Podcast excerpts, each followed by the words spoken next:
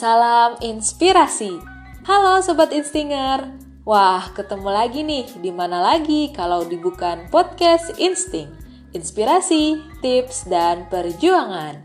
Bersama aku, Salma. Nah, hari ini teman-teman aku tentu aja nggak sendirian nih. Walaupun hari ini Uzi nggak bareng aku, tapi aku bareng narasumber yang tentunya keren banget dan kece abis nih. Dan pastinya kita akan mendengar nih uh, insight-insight baru, insight-insight yang tentunya sangat inspiratif buat teman-teman dengar. Spesial banget nih hari ini karena kita bersama Kak Gayatri. Halo Kak. Halo Kak Salma. Jadi kenalin aku Gayatri. Wah, halo Kak Gayatri. Nah, sebelumnya mungkin boleh perkenalan dulu nih Kak. Kak Gayatri ini sekarang lagi kuliah di mana dan jurusan apa? Oke, semuanya kenalin aku Gayatri Anissa Fitriani, biasa dipanggil Gayatri. Aku mahasiswi jurusan Sosiologi Universitas Universitas Gajah Mada. Oke, ke Gayatri ini berarti anak UGM ya kak? Wah keren banget nih.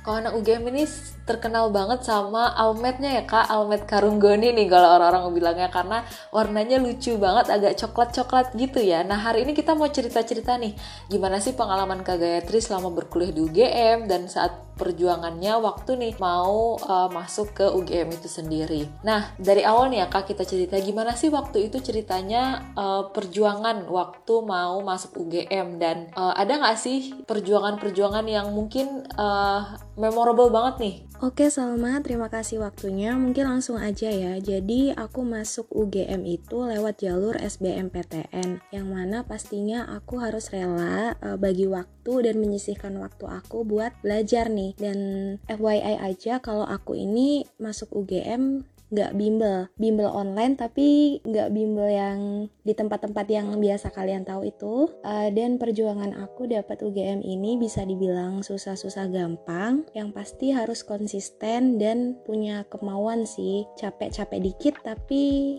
ada hasilnya. Mungkin itu aja sih yang bisa aku bagikan. Oke, berarti tadi Kak Gayatri cerita ya Kak kalau uh, Kak Gayatri nggak ikut bimbel nih. Berarti keren banget nih Kak Gayatri bisa tembus UGM tanpa bimbel. Nah, sebenarnya kenapa sih Kak waktu itu berpikiran uh, buat milih UGM nih dan kenapa jurusannya uh, yang saat ini Kak Gayatri jalanin?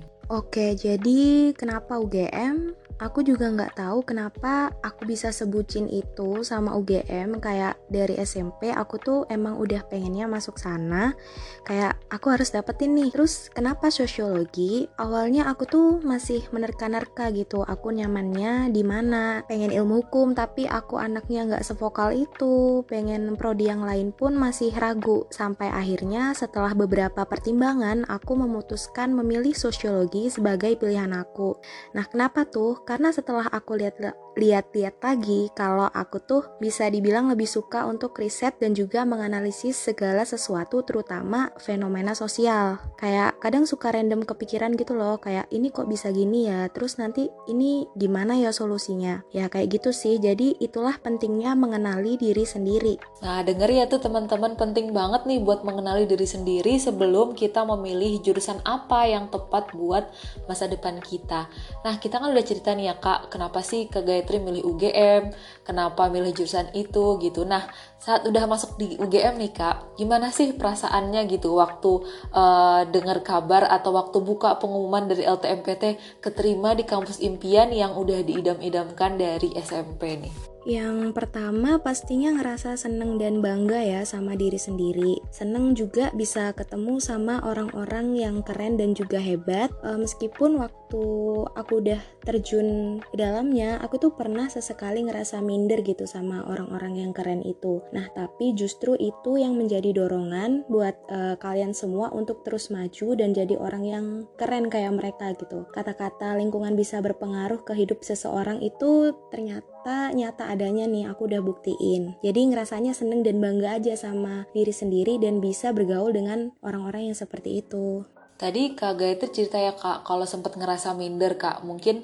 uh, karena setelah kita masuk kampus tentu aja kita ketemu sama orang-orang yang uh, kita ngerasanya hebat banget nih, mungkin prestasi mereka banyak dan kita merasa nggak sehebat itu. Gimana sih Kak caranya uh, mengsiasati gitu perasaan itu? Karena mungkin uh, teman-teman ada juga nih yang pengen masuk kampus top tapi kayaknya gue nggak pantas deh di kampus itu gitu. Gimana Kak Gayatri menyiasati uh, perasaan kayak gitu kak? Kalau menurut aku ya, uh, untuk menyiasati hal-hal seperti itu, yang pertama harus yakin sama diri sendiri. Kamu harus ngerasa kalau kamu itu keren dan kamu itu pasti mampu buat ngikutin mereka. Kayak aku nih ngerasa teman-teman aku pun yang sepantaran dan seangkatan ini tuh pada keren-keren banget gitu. Mau di pas kuliah atau mau pas diskusi bareng, mereka itu jujur keren banget deh. Dan jangan anggap uh, mereka itu sebagai sebuah penghalang kalian buat maju. Anggap itu sebagai tantangan dan kamu harus kecipratan lah istilahnya. Kamu harus jadi seperti mereka. Itu aja sih yang penting yakin. Berarti jadikan hal itu sebagai motivasi ya kak supaya kita lebih semangat lagi supaya bisa kayak mereka gitu. Dan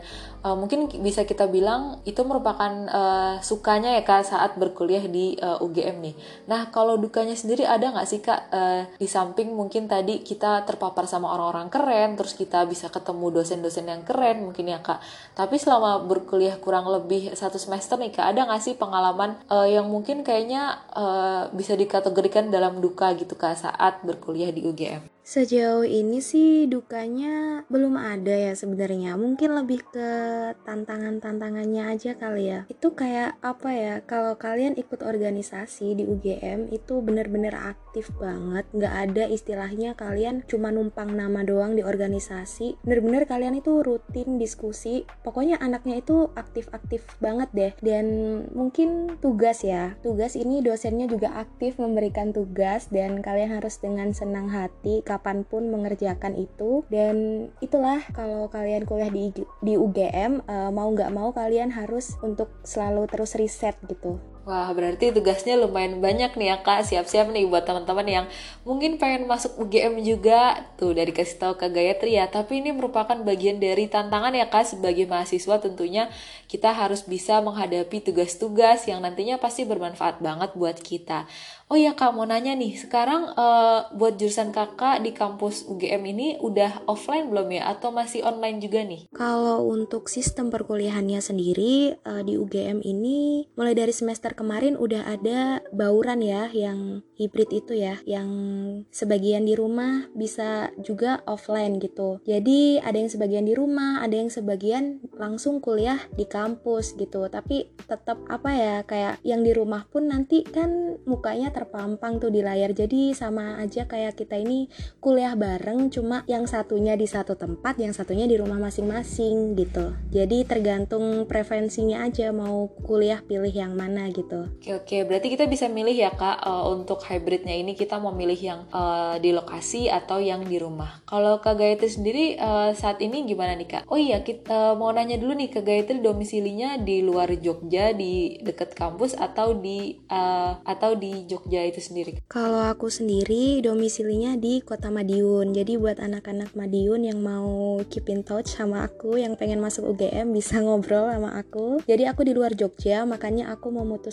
untuk online dulu. Oke oke. Nah buat teman-teman nih khususnya yang dari Madiun tuh ya, kalau mau masuk UGM dan uh, mau tanya seputar tips-tipsnya boleh banget nih reach out Kak Gayatri supaya bisa bertukar uh, informasi dan sharing-sharing tentunya. Nah uh, karena ke Gayatri nih ya masih online juga, uh, masih kuliah dari rumah, uh, ada nggak sih kak uh, mungkin kita bisa bilang apa ya culture shock gitu ya waktu pertama kali ikut pembelajaran di UGM. Uh, mungkin ini konteksnya online ya kak karena uh, kak Gayatri sendiri mungkin belum pernah uh, kuliah offline-nya gitu. Ada nggak kak yang bisa diceritain? Mungkin uh, dari keseluruhan dari selama aku satu semester di UGM ini yang bisa aku katakan adalah seru. Karena bener-bener seru. Mulai dari PPSMB sampai terakhir semester aku kemarin itu bener-bener seru pembelajarannya. Jadi nggak cuma lihat layar doang. Mulai dari tugas-tugasnya itu kayak apa ya? Memacu kreativitas kita gitu. Bikin kita buat mikir gitu. Dan nggak cuma duduk-duduk doang ya cuma itu sih satu kata yang bisa aku bilang pokoknya seru oke seru ya kak berarti ya nah kalau teman-temannya sendiri nih kak gimana apakah dari uh, kalau kuliah kan kita memang bisa bilang dari berbagai daerah ya kak di seluruh Indonesia. Nah kalau dari pergaulannya sendiri nih kak, uh, kita kan terkenal ya kalau UGM itu dengan rasa kekeluargaannya yang kuat gitu. Apakah ke Gayatri juga merasakan hal tersebut atau malah kayak supaya banyak kayak individualis atau mungkin banyak tipe-tipenya nih kak? Kalau buat hal itu sih uh, pastinya orang tuh wataknya berbeda-beda ya.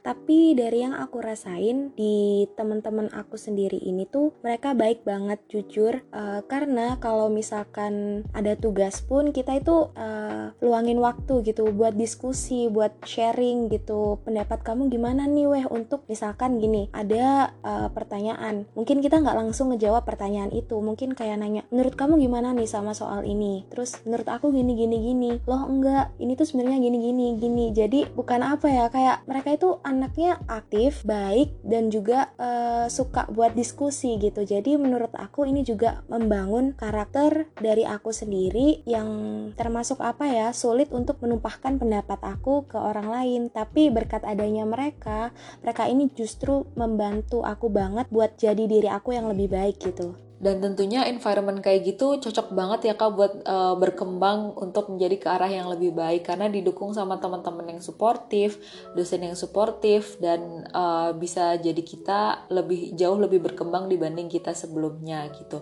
Uh, kita udah cerita ya kak tadi tentang suka duka kuliah di UGM terus teman-temannya rupanya seru dan baik-baik banget gitu. Uh, gimana nih kak tips supaya bisa belajar tetap ambis nih di di di UGM. Boleh di sharing-sharing nih buat teman-teman yang mungkin pengen masuk UGM juga dan masih ragu-ragu. Wah, tips belajar ambis gimana nih kak maksudnya? Oh, mungkin lebih ke tips aktif belajar aja ya. Uh, karena menurut aku ambisnya ini tuh agak ambigu gitu. Oke okay, oke, okay. sorry nih kak kalau ambigu soalnya aku terlalu bersemangat nih buat nanya-nanya ke Gayatri.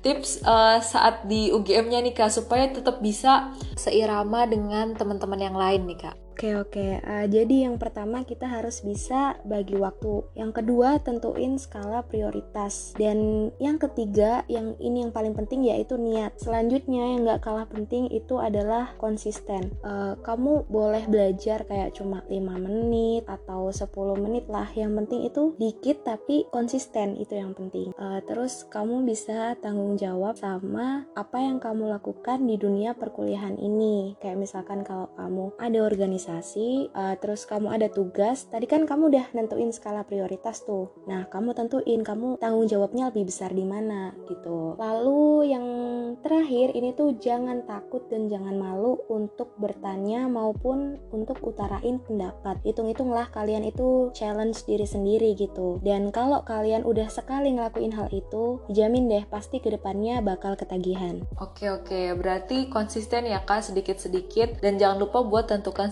skala prioritas supaya tetap bisa tahu nih mana yang harus didahulukan, mana yang harus dikerjain belakangan gitu. Nah, ini kan buat uh, tips ambis saat kita udah masuk UGM ya, Kak. Nah, uh, buat tips ambis nih waktu mau ngejar UTBK-nya karena kan kalau kita tahu UGM ini termasuk tinggi ya, Kak. Uh, lumayan skor UTBK-nya gitu. Gimana sih, Kak? Tips ambisnya buat teman-teman supaya bisa mengikuti jejak Kak Gayatri. Buat kalian uh, pejuang UGM tahun ini maupun tahun-tahun berikutnya, kamu harus percaya dan yakin sama diri kamu sendiri. Dan masuk UGM atau masuk univ impian itu nggak sulit kok, beneran nggak susah. Yang susah itu maintain kebiasaan-kebiasaan baik yang akan mengantarkan kamu untuk lolos ke univ impian kamu dan juga konsisten. Nah, susahnya di situ. Jadi lawan kamu tuh bukan orang lain, tapi lawan kamu itu diri kamu sendiri. Yang pasti uh, versi terbaik dari diri kamu itu yang harus menang tenang. Nah, terus jangan lupa yang terakhir itu jalur langit. Ini benar-benar penting banget dan aku udah buktiin sendiri. Mungkin itu aja sih dari aku.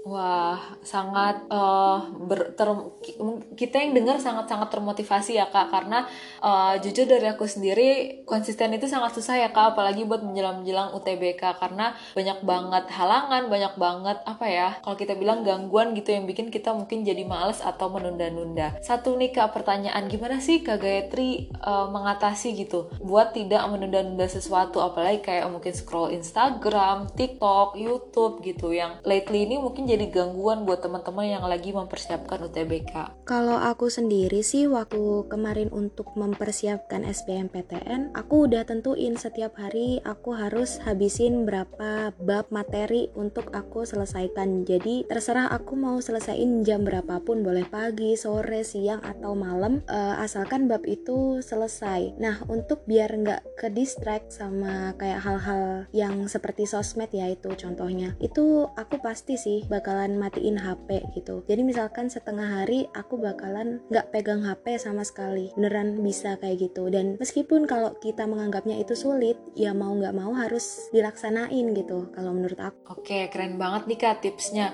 Buat pejuang UGM nih didengar ya untuk nggak procrastinating, nggak nunda-nunda apa yang mau dilakuin hari itu, tetapkan batas apa sih yang mau kita pahamin hari ini sesuai dengan apa yang Kak Gayatri anjurkan tadi. Nah, terakhir banget nih Kak, closing statement nih. Uh, harapan mungkin either buat Kak Gayatri sendiri di dunia perkuliahan atau mungkin buat teman-teman yang sedang berjuang baik SNM, SBMPTN maupun di jalur-jalur lain yang akan datang. Aku ya, harapan aku adalah semoga kita menjadi salah satu orang yang dapat membanggakan kedua orang tua kita. Gak terbatas itu di mana pun kita belajar ya. Jadi jadi jangan jadikan univ yang terpandang itu sebagai patokan kita jadi orang sukses. Itu enggak, itu salah banget. Kita bisa jadi sukses sukses karena diri kita sendiri. Mau di mana pun kamu, kayak kata orang ya, e, berlian mau ditaruh di mana pun akan tetap menjadi berlian. Jadi pokoknya kamu harus percaya sama diri kamu sendiri. Kalau memang diri kamu sendiri memang udah bagus, mau di mana pun kamu, kamu pasti akan tetap jadi berlian. Oke, thank you banget nih Kak Gayatri buat